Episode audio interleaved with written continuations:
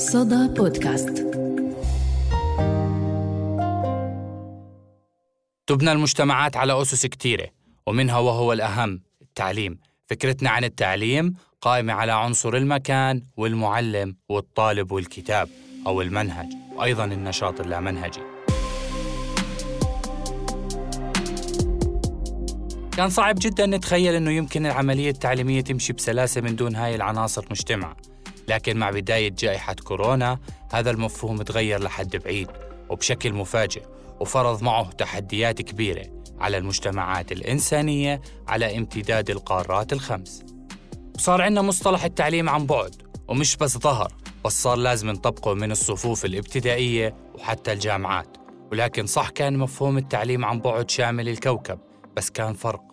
الفرق كان بين مجتمع عنده تقنيات وتكنولوجيا ومؤسسات مساندة لتقبل هاي الفكرة ومن ثم تنفيذها وبين مجتمعات لسه الآباء والأمهات فيها ما عندهم تصور واضح عن التكنولوجيا تعليم عن بعد.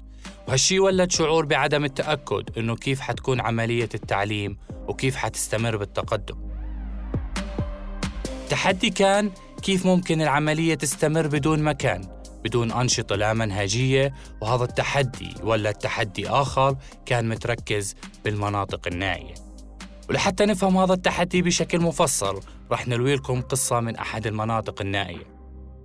قصتنا اليوم عن دعاء اللي بتوصف هديك المرحلة بإنها المرحلة الأصعب على طول مرحلة زواجها المستمرة من عشر سنوات. ودايما بتحكي تنذكر وما تنعاد. قبل أكثر من سنتين إجت كورونا وخربطت حياتي فوقاني تحتاني بسبب القيود اللي انفرضت أكثر شيء عمل إرباك هو التعليم عن بعد إلي. أنا موظفة وجوزي كمان موظف. عندي ثلاث أولاد في مرحلة التأسيس. إسحاق صف أول ونير صف ثالث وكانوا بنفس المدرسة. كان في واحد بصف خامس بمدرسة تانية اسمه طايع دعاء وعائلتها كانوا ساكنين في قرية في شمال الأردن في محافظة المفرق اسمها حليوة. منطقة صحراوية قاسية جدا وكانت الخدمات جدا قليلة لدرجة أنه تغطية الإنترنت ما بتكون ممتازة أو 4G إلا بمكان أو اثنين في البيت. طبعا بعد ما انتهت فرحة أنه هي وزوجها والأولاد عطلوا بلش الجد بلشت ضرورة التأقلم واضحة وجليلة خصوصا لما اتصل مدير المدرسة مع دعاء وهو بيكون أخوها بنفس الوقت وحكى لها أنه التعليم من الأسبوع الجاي رح يرجع بس رح يكون دوام الأولاد عن بعد. وهذا الحكي على مستوى الأردن يعني بكل المدارس. بالليل رحت أنا وزوجي عماد عند بيت أخوي نفهم منه شو يعني تعليم عن بعد. وفهمت أنا وزوجي إن الموضوع بده إنترنت وبده أجهزة كمبيوتر أو على الأقل تليفونات ذكية. وبده دراية كافية مني بالتكنولوجيا التعليمية والتطبيقات والمنصات المختلفة.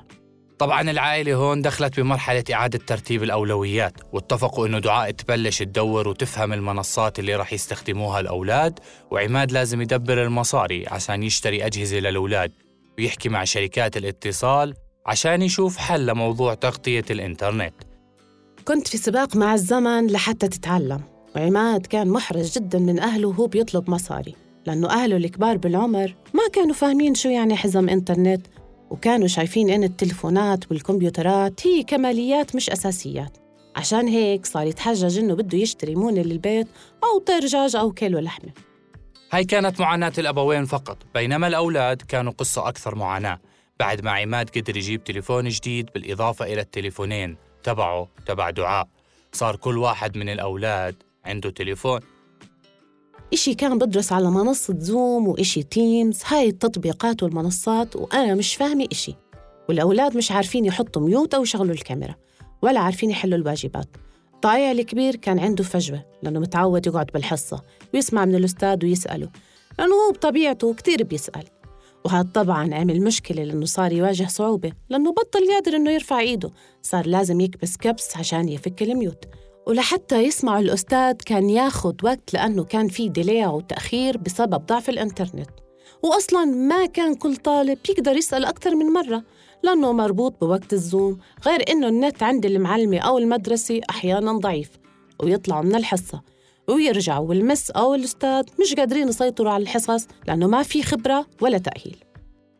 وجوا البيت صارت مشكلة إنه إخوانه صاروا ينزعجوا من صوت تليفونه وهذا خلى دعاء تحط طايع بالساحة اللي ورا البيت تحت شجرة اللوز عشان هاي المكان اللي فيها تغطية.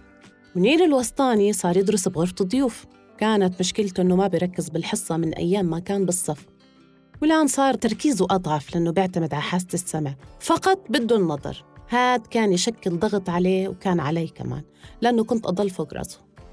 أما آخر العنقود إسحاق كانت معاناتي أكبر لأنه الصف الأول هو الصف اللي يعتبر التجربة الأولى للأطفال. إنهم يختبروا المدرسة وبالأساس ضاع الهدف الرئيسي من الصف الأول وهو الاختلاط بأقرانه لحتى يكسر حاجز المدرسة. طبعا دعاء صارت تتحرك زي المكوك بين أولادها وحتى صارت تدرس المناهج بالليل عشان بكرة تعرف تجاوب وتفهم أولادها الثلاث. المشكلة استمرت وما قلت أبداً. وكان ما كان الوقت يتقدم كانت المشكلة تتعقد. قررت الحكومة أنه الموظفين يرجعوا على الدوام ونحط شروط ومعيقات للإجازة لأنه ظروف كورونا وتحديد الأعداد للدوام كان عائق. وإذا كانت بدها تداوم وين كانت رح تترك أولادها؟ لأن أمها ما بتعرف تدرس الأولاد وكيف رح تروح من غير تليفون على الدوام عشان تطمن على أولادها. داومت أنا وزوجي. كنا نطمن على الأولاد من تليفونات الدوام لأن الأولاد كانوا لحالهم بالبيت. وطبعا تراجع تحصيلهم علشان ما كنت قادرة أتابعهم بالدوام. قررت دعاء تأخذ إجازة بلا راتب وهذا ما شكل ضغط وعبء إضافي على مصدر دخل للعائلة.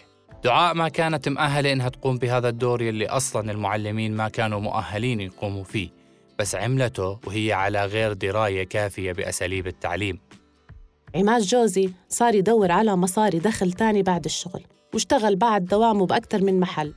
بالزراعة وبيع الخضرة ومحلات تليفونات لحتى يقدر يأمن المتطلبات الجديدة للتعليم. وطايع الكبير صارت أسئلته بدون جواب ومنير مشكلة قلت التركيز زادت. وإسحاق الصغير صار عنده بداية رهاب اجتماعي بسبب قلة الاختلاط. التباعد الاجتماعي بسبب انتشار فيروس كوفيد 19 سبب تحديات جديدة لتواجهها كل القطاعات بالدول حول العالم وقطاع التعليم كان أحدها.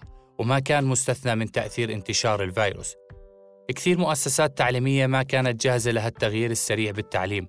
واحدى المشاكل اللي واجهتها هو عدم جاهزية الكادر التدريسي للتعامل مع هيك تغيير من استخدام تكنولوجيا والبرامج اللي لازم تستخدم لإعطاء الدروس والمشاكل النت والتغطية وحتى المهارات التنظيمية اللي بيتطلبها التعليم عن بعد واللي لازم تكون موجودة عند كل شخص بده ينظم أو يعطي شيء عبر الإنترنت.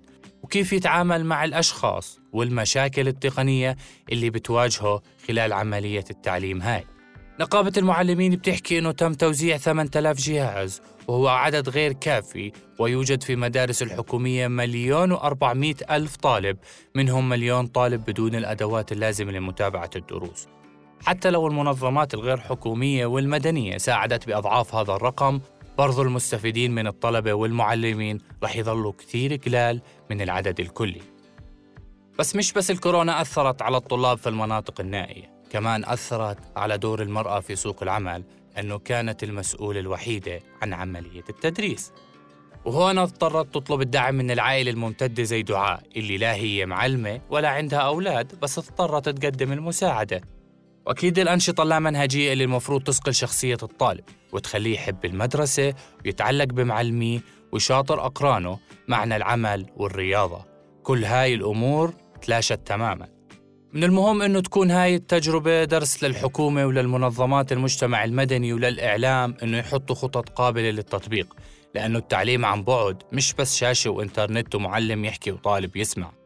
من قصة دعاء وعائلتها عرفنا كم الموضوع صعب وبحتاج تأهيل لكافة أطراف العملية التعليمية. وبحتاج لبنية اتصال تحتية تكون مغطية 100% من مناطق تجمعات السكان. وكان مهم أنه نحط وقت وجهد أكبر في موضوع التوعية للمناطق النائية خصوصاً لأنه هاي المجتمعات قائمة على التكافل الاجتماعي بمعنى أنه أي مشكلة أو أي ظرف مستقبلي لا يمكن تتخطى إلا بوجود التكافل الاجتماعي. وهذا يتطلب توعية كبيرة بالمشاكل والتحديات المقبلة.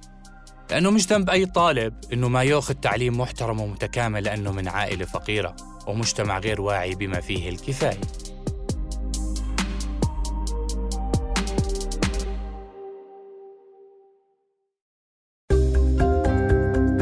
صدى بودكاست.